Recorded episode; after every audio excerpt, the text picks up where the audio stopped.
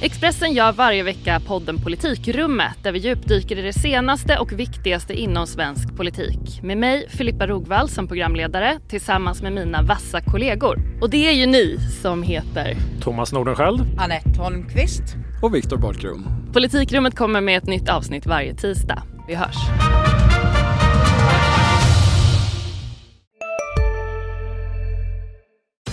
Makrorådet från Dagens Industri.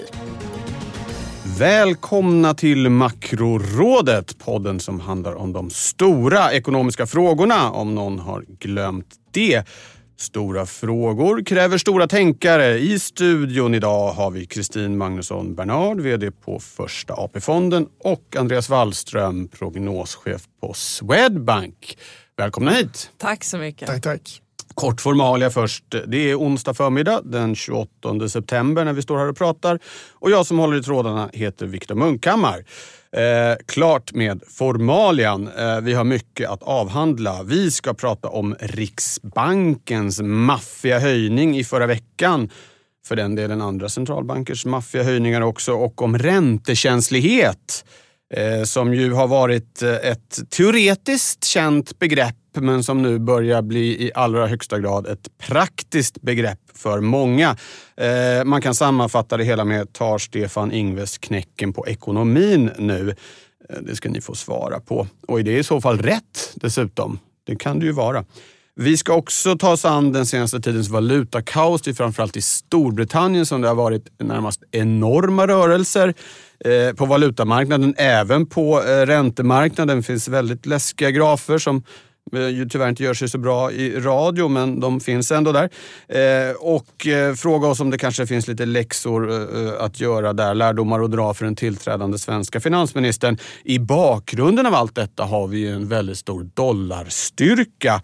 Vilka blir konsekvenserna av det? Då ska vi kanske ta upp länder som Indonesien, Malaysia, så kallade emerging markets. Sen blir det spaningar och veckans viktigaste Eh, som om detta inte vore nog ska vi börja med de rätt dramatiska besked vi fick här nu på morgonen. Det kom detaljhandelsförsäljning för augusti som visar att den sjönk för fjärde månaden på raken.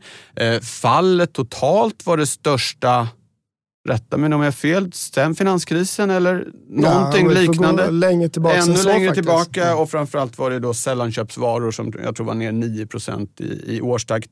Vi fick också en ny barometer från Konjunkturinstitutet eh, och det mest spektakulära där var ju att hushållens humör sjönk ännu lägre. Det var ju redan på de lägsta nivåerna sedan fastighetskrisen för, för 30 år sedan. Så att, eh, rätt, rätt uh, ruggiga tendenser vi ser här. Uh, Andreas, om vi, om vi börjar med morgonen då här, uh, de här sakerna jag pratade om. Detaljhandeln, uh, KI-barometern, hushållen. det ser inte bra ut. Nej, det är väl en bra sammanfattning.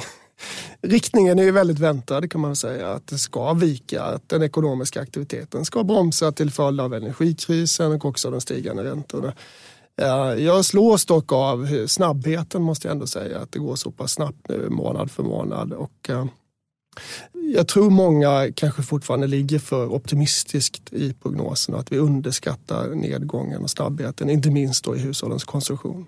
Ja, vi fick ju också, för övrigt, du ska all, såklart få komma in Kristin, men jag säga, vi fick en från Tyskland också, konsumentförtroende, mm. som ju sjönk eh, långt under både pandemin och ännu längre under finanskrisnivåer. Mm. Eh, samma besked. Eh, Kristin, nu din reaktion på morgonens...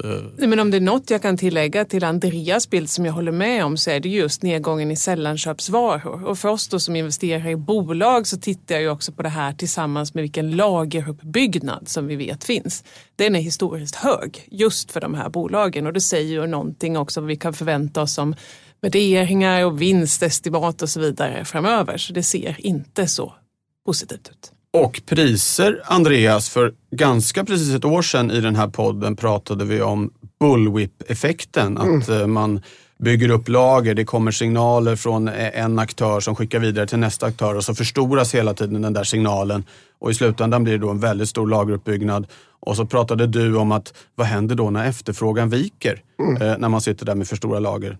Man kan ju tänka sig att vi faktiskt får en ganska rejäl press neråt på priserna då om de här lagren som Kristin nämner ska, ja, ska ut. det kan vi absolut tänka oss. Jag skulle säga att de flestas prognoser, inklusive vår egen, är ju att vi ganska snabbt kommer se fallande priser under nästa år och en inflation som faktiskt om ett år är på målet på 2% eller under.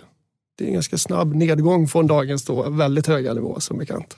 Det är det. Det var också en väldigt bra introduktion till dagens första huvudämne, eh, Kristin, eh, nämligen de här väldigt stora räntehöjningarna, inte minst Riksbankens då 100 punkter, en procentenhet, eh, även i andra centralbanker.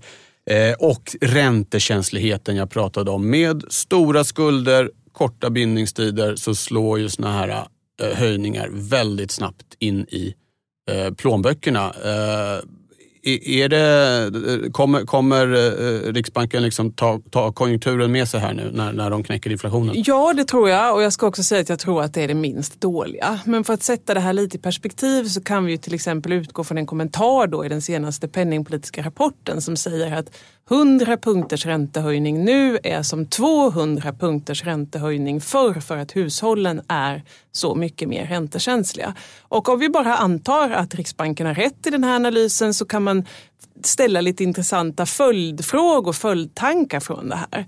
Dels om vi gör en internationell jämförelse så vet vi att räntebanan i USA toppar på närmare 5% för Riksbanken toppar den på närmare 2,5 något sånt där.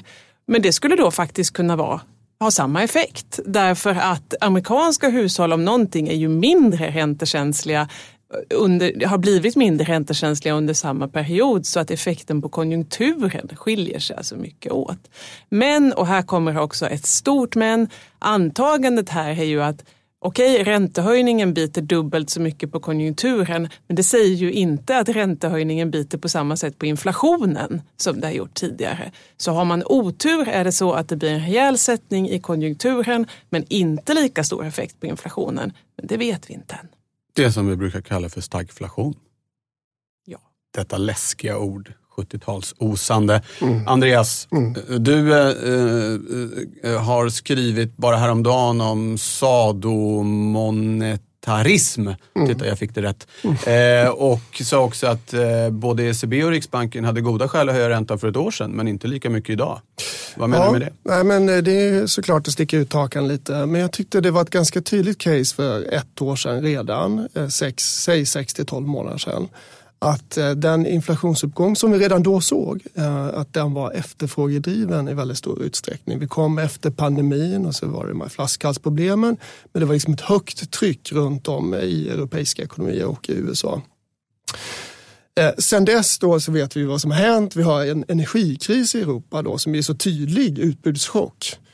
Och eh, hur man ska respondera på den är ju inte självklart men enligt skolboken så är ju faktiskt en utbudschock eh, i någon mån deflationistisk eh, på sikt. Man kan inte styra de här elpriserna såklart från Riksbankens håll.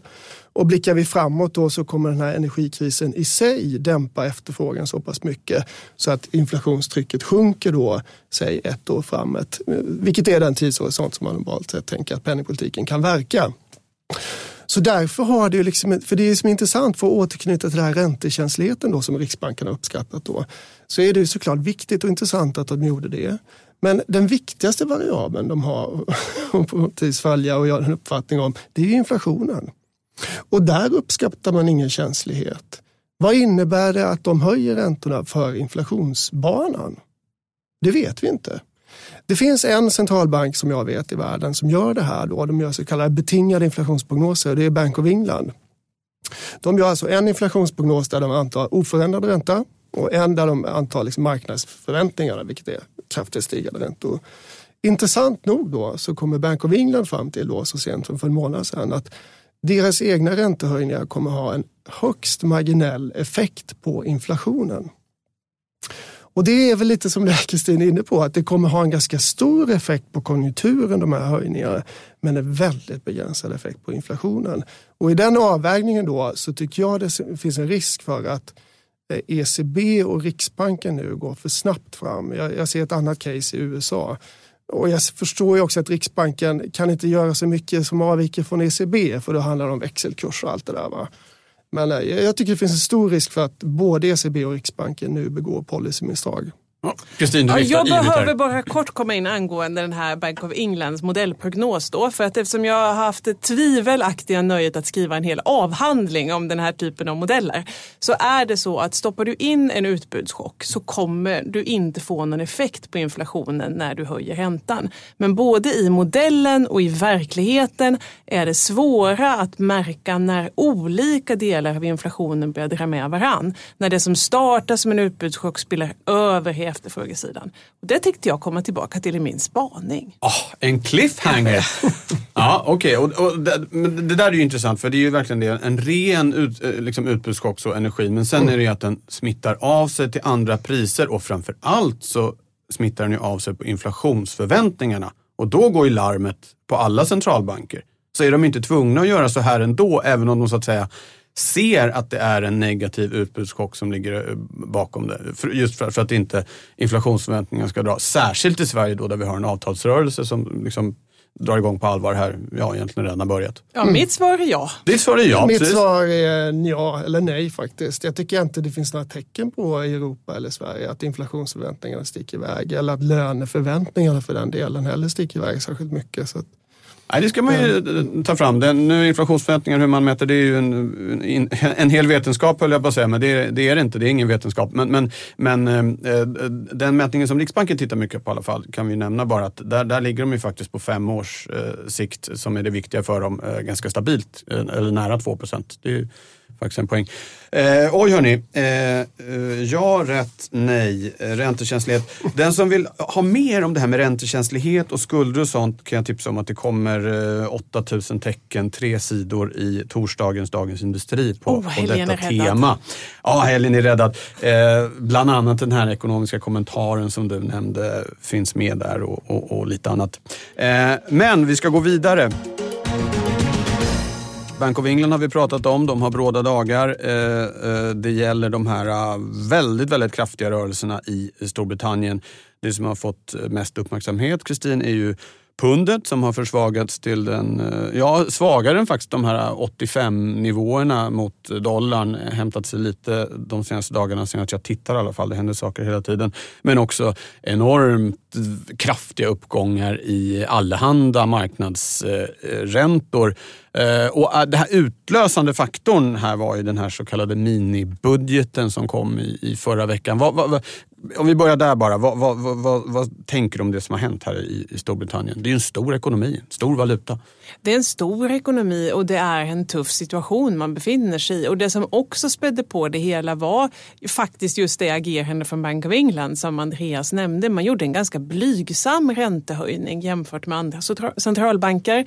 I och för sig var man inte alls överens om det här och man bestämde sig också att börja sälja ut från sin stora obligationsportfölj. Men ändå så skapas det då en marknadsförväntan om att det här räcker inte. Det är då inte bara drivet av centralbanken utan också att det blir en, en, ett enormt utbud av brittiska statsobligationer för investerare att tugga i sig om den här budgeten då blir av. Och marknaden svarar med att säga att vi kommer inte kunna absorbera så här mycket på en gång. Men jag tror också man ska se det här i ett större perspektiv. Du pratade om dollarstyrkan tidigare och dollarstyrkan i kombination med att till exempel den japanska centralbanken försiktigt har varit ute och försökt då intervenera för att stödja, stödja den japanska valutan. Den det gör ju att det börjar pratas om det här med Plaza-ackord. Vi kanske ska säga vad det är då. Jo, 1985 så gick alla världens stora centralbanker ihop och bestämde sig för att de skulle gemensamt sälja dollar. Och det här var ju då i syfte att få ner dollarstyrkan. Eh, och det lyckades ska också sägas. Eh, och då börjar ju nu förstås bubbla förhoppningar. Kommer det här hända igen? Kan vi få se ett sådant samarbete? Jag tror inte det är aktuellt. Dels därför att den amerikanska centralbanken har väldigt tydligt en, en hållning som kan sammanfattas som vår valuta, ert problem. Och eh, dessutom så har man fortfarande hög inflation i USA och skulle man börja försvaga dollarn så importerar man inflation på samma sätt som alla andra gör nu. Kina är inte intresserade av det här. De är en storspelare nu, var det inte förr. Japanerna är nog inte riktigt redo att ge upp yield curve control. Så den enda som är kvar är nog Bank of England som nog inte alls vore ledsna om något sånt här gick att få till, men det tror jag inte är aktuellt. Nej. Eh, den här budgeten då Andreas, där var det, mm. det innehöll väldigt stora skattesänkningar, stora budgetunderskott både liksom på kort sikt eh, och, och, och lång sikt. Och det mm. går ju på tvärs mot det som centralbankerna försöker göra, nämligen hålla nere mm. Eh, efterfrågan. Om vi gör en liten svensk koppling här, vi ska ju få en budget så småningom nu. Eh, det finns lärdomar att dra antar jag. Andra har ju varit ute och pratat om det här också. Lagarde exempelvis sa att eh, det riskerar att, att skälpa mer än det hjälper med stora breda stöd med anledning mm. av eh, energi krisen exempelvis som ska vara riktade till de svagaste hushållen och så vidare. Mm. Vad, vad, vad, vad, ska man ta med sig från det som hände i Storbritannien? Ja, man kan dessutom lägga till att eh, internationella valutafonden har ju också kritiserat ute, ja. Eh, Storbritannien. Ja, igår kväll. Här, eh, liksom, till och med Fed har kommenterat ja. ett annat ja, land. Yellen har ju varit ute, alltså amerikanska ja, finansministern. har varit ute, så att även amerikanerna Sällan en budget som inte ens är en budget. Det var bara ett litet fiscal event. Och som inte ens är ens eget utan är en annan och betydligt ja. mindre ekonomi. Ja, mycket halabaloo kring detta. Ja. Förlåt, ja, vi äh, Men för att komma tillbaka till Sverige då, hur det eventuellt skulle kunna påverka äh, den tillkom, äh, tillträdande regeringen då, så tror jag vi är ju, har ju ofta varit de senaste åren lite speciella vad gäller finanspolitik som ni vet. Alltså vi har pratat om mycket att vi har en, en inbyggd stramhet. Så jag tror faktiskt inte alls att det här är applicerbart på Sverige. Jag har väldigt svårt att se att de eh, fyra partier nu då, som ska komma överens om en budget kommer ha en alltför stimulativ finanspolitik. Eh, deras eh, politik i främsta hand är ju heller inte ekonomisk politik skulle jag säga utan det är liksom lite satsningar på lag och. Hej, Ulf Kristersson här. På många sätt är det en mörk tid vi lever i. Men nu tar vi ett stort steg för att göra Sverige till en tryggare och säkrare plats. Sverige är nu medlem i Nato. En för alla, alla för en. Har du också valt att bli egen? Då är det viktigt att skaffa en bra företagsförsäkring. Hos oss är alla småföretag stora och inga frågor för små. Swedeas företagsförsäkring är anpassad för mindre företag och täcker även sånt som din hemförsäkring inte täcker. Gå in på swedea.se företag och jämför själv. Och sånt. Eh, skattepolitiken eh, skiljer de sig åt till exempel. Så jag, jag, tror generellt sett att vi kommer inte få se så mycket ekonomisk politik faktiskt. Utan man kommer, eftersom det kommer vara svårt att komma överens. Och dessutom så har ju eh, alla eh, partier i Sverige förutom Vänsterpartiet då eh, skriver under på det finanspolitiska ramverket. Ja. Det... Och det, Riksbanken skickade faktiskt en liten varningssignal i samband med räntebeskedet mm. ungefär till finanspolitiken och sa kom inte med no, no, några stora stimulanser här nu för då behöver vi höja, höja ännu mer. Och det är det som har hänt också i, i, i Storbritannien, Kristina, om vi går tillbaka dit, att prissättningen på vad Bank of England ska ta sig för har ju dragit iväg väldigt efter den här eh, Det stämmer, budgeten. det har varit otroligt Vad är det uppe i nu? Som man, vi kan säga, höjningen de gjorde var ju 50 punkter till 2,25. Vad, du hade kollat senast det här, vad är Nej, om vi bara tittar då rörelser i ganska kort korta räntepapper så har det varit uppe på 130 punkter på en dag som det skiljer sig åt. Och vi har också sett en lite längre löptider så är det 40-50 punkter på en dag. Så framförallt är det också så nu att jag har inte med en Bloomberg-terminal framför mig så att därför kan jag faktiskt inte svara på vad det ligger just nu. För det skulle ha kunnat varit helt annorlunda mot när jag gick in i studion. Bara för att visa hur dramatiskt ja, det är. Men 4,5-5 procent i alla fall. Ja, någonstans där. Skulle jag, ja. Så, så lite drygt en fördubbling från, ja. från dagens nivå. Innan vi lämnar det här ska vi bara, utlovade ju lite emerging markets, tillväxtmarknader som vi brukar kalla dem på, på Sverige. Och där, en, traditionellt problem när dollarn blir väldigt stark är att länder som har lånat i dollar då skulden växer, amerikanska räntan stiger, räntorna på de här lånen i, i dollar ökar. Eh, eh, i, och I en del länder, så lite mindre än det har varit förr i tiden som, mm. som tur är, men det finns ändå en del länder som är ganska exponerade mot den här dollarn, inte mm. minst i Sydostasien. Eh, hur ser du på riskerna här? Att, att det blir, många tvingas höja räntan ganska mycket för att mm. Eh, försvara sin växelkurs och så vidare. Vad ser du bubblar där, Andreas? Ja, men det är klart det finns risker för enskilda länder. Men som du själv är inne på så är det ju inte samma problematik som det var en gång i tiden just för att man har erfarenheten från den tiden. Så man har inte tagit lika mycket dollarlån helt enkelt. Ja. Det är egentligen eh, Kristins eh, expertområde här kanske. Men det här med, för att kommentera dollarstyrkan så är det ju också ett, det är ett bekymmer för många länder, inklusive de europeiska länderna att det handlas ju framför allt i dollar. Det är ju den absolut viktigaste valutan vad gäller liksom internationell handel. Jag tror 50 procent av alla transaktioner är i dollar. Så det här innebär ju för att importörer då av råvaror och allt som handlas så är det ju direkt en inflationsimpuls. Och det är klart, det vill vi inte ha nu till exempel i Europa. Så I det här eh, liksom hänseendet så är det ju problematiskt. Sen tror jag inte heller på det här som Kristin är inne på, det här ett nytt Plaza-ackord. Det tror jag absolut inte. En viktig skillnad nu gentemot då är ju också att då så var det mycket amerikanska företag som klagade väldigt mycket på konkurrenskraften. Och det ser man ju inte alls idag.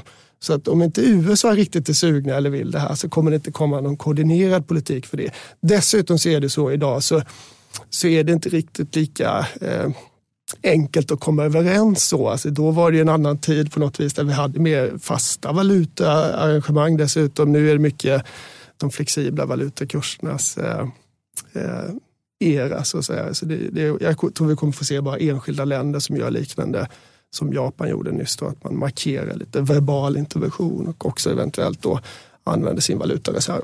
Men bara Experten för, på det, även ja, detta område. En stäng, avhandling om nej, även bara, det här? Nej, nej faktiskt nej, inte. Men nej. bara för att stänga just spaningen om tillväxtmarknader så ja. är det ju så att eh, Valutafonden upplever igen en all time high på efterfrågan på krislån. Och det här är en sån klassisk indikator när tillväxtmarknaderna och även låginkomstländer vänder sig till Valutafonden för att kapitalmarknaden börjar stängas. Så att det ser vi och det har man varit tydliga med och det brukar betyda att vi går in i en svårare miljö. Okej, okay, så att problemet är mindre än det har varit men det är inte ur världen? Det är inte ur världen. Ja, bra.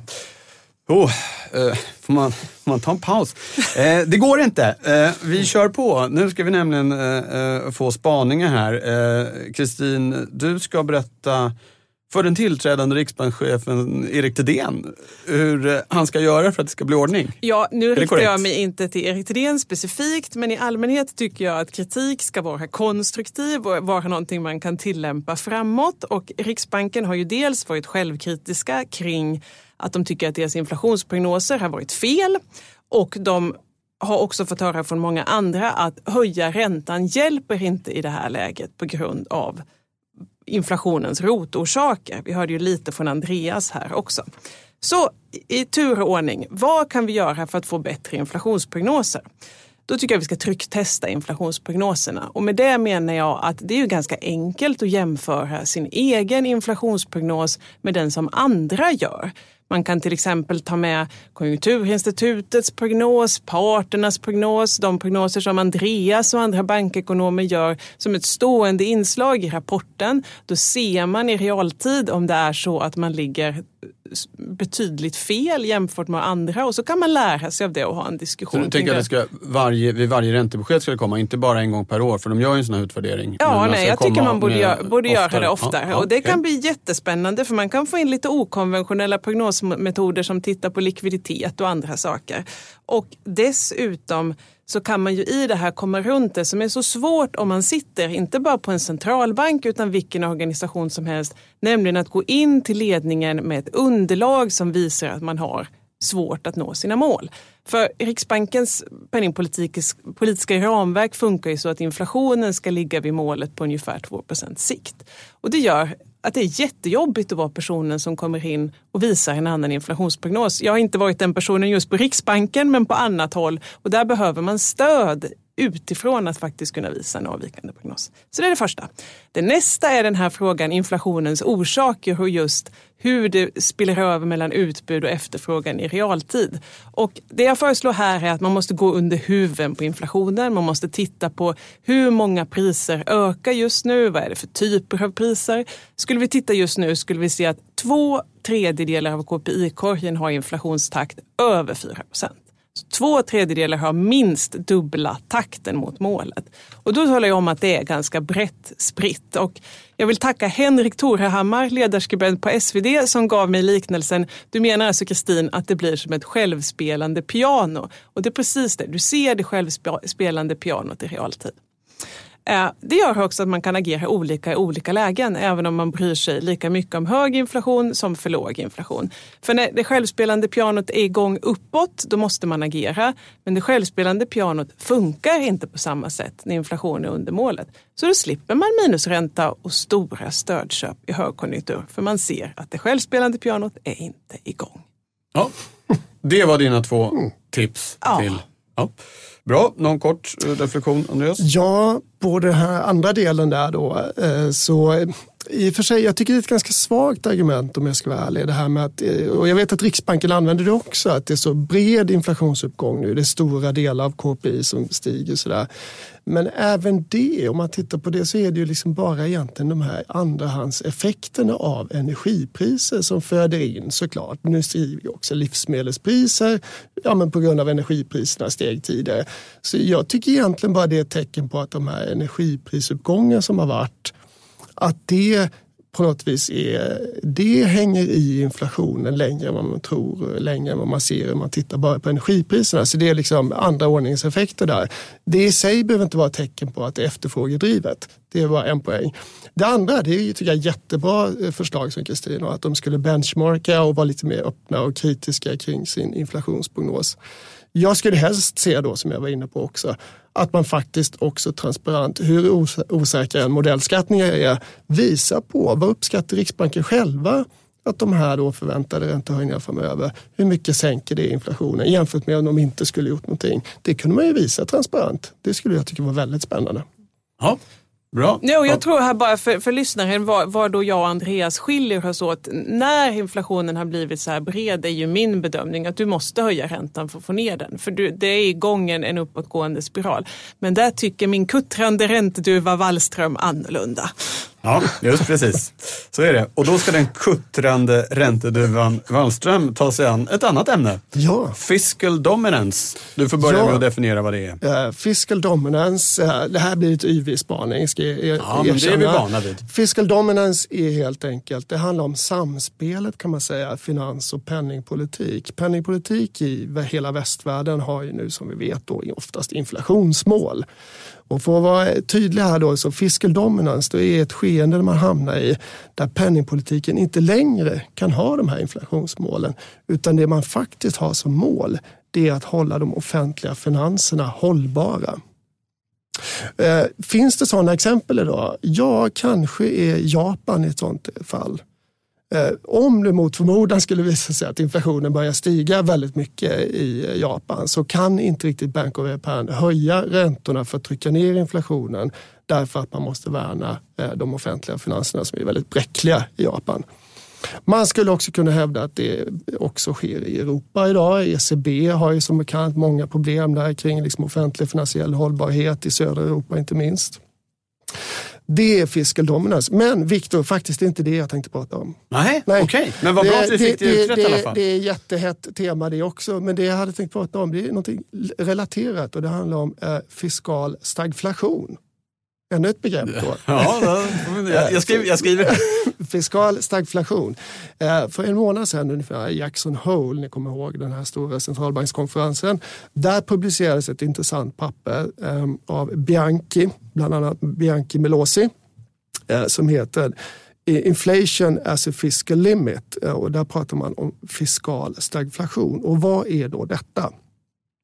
Jo, eh, det grundar sig i att eh, det är också det här med samspelet egentligen, penning och finanspolitik. Att det som nu sker, att inflationen har stigit, centralbankerna själva kan inte dämpa inflationen utan att det sker till ett väldigt högt pris. Det måste finnas en samklang i de offentliga finanserna. Det måste finnas en trovärdighet kring finanspolitiken. I Sverige så är det här inget, eh, eh så att säga, inget tvivel om detta, att de offentliga finanserna är hållbara. Så, så är det ingen stor sak här. Men för att knyta an till Storbritannien igen då, så är det ju faktiskt det. Och kanske är det just det här risken för fiskal stagflation som vi ser just nu.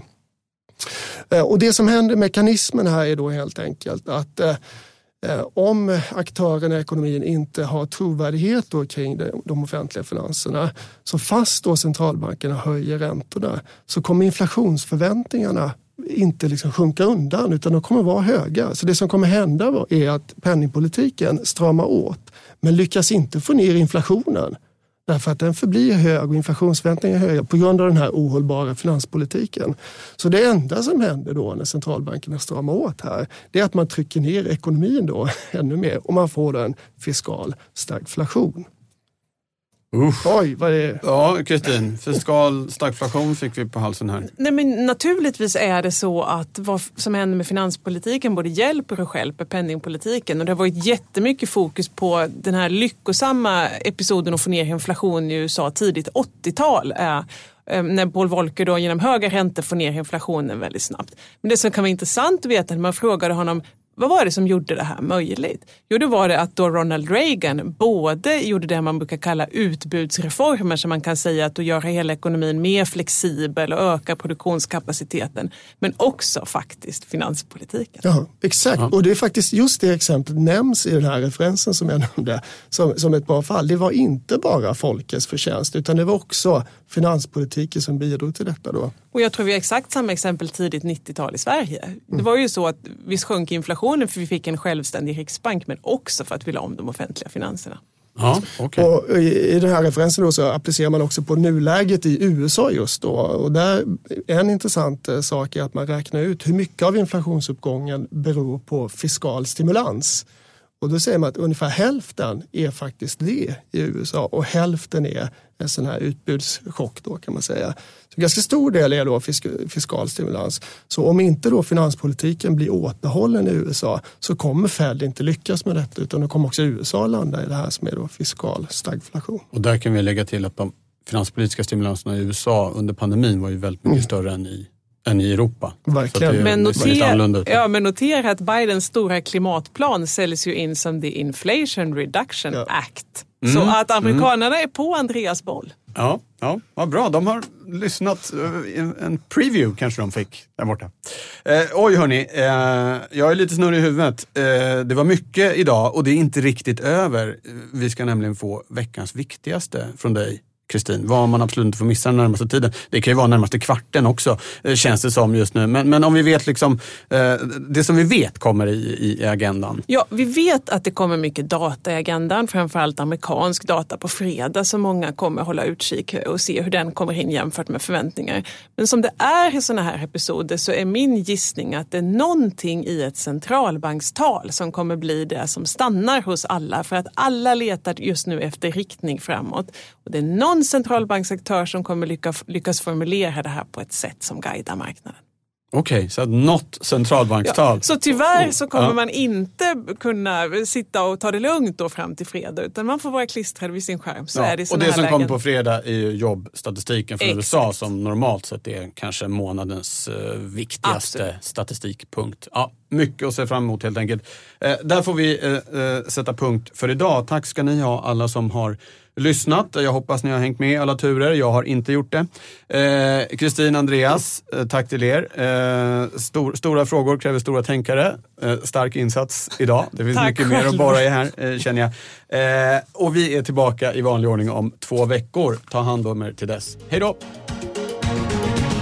Makrorådet från Dagens Industri. Podden klipps av Umami Produktion. Ansvarig utgivare Peter Fällman.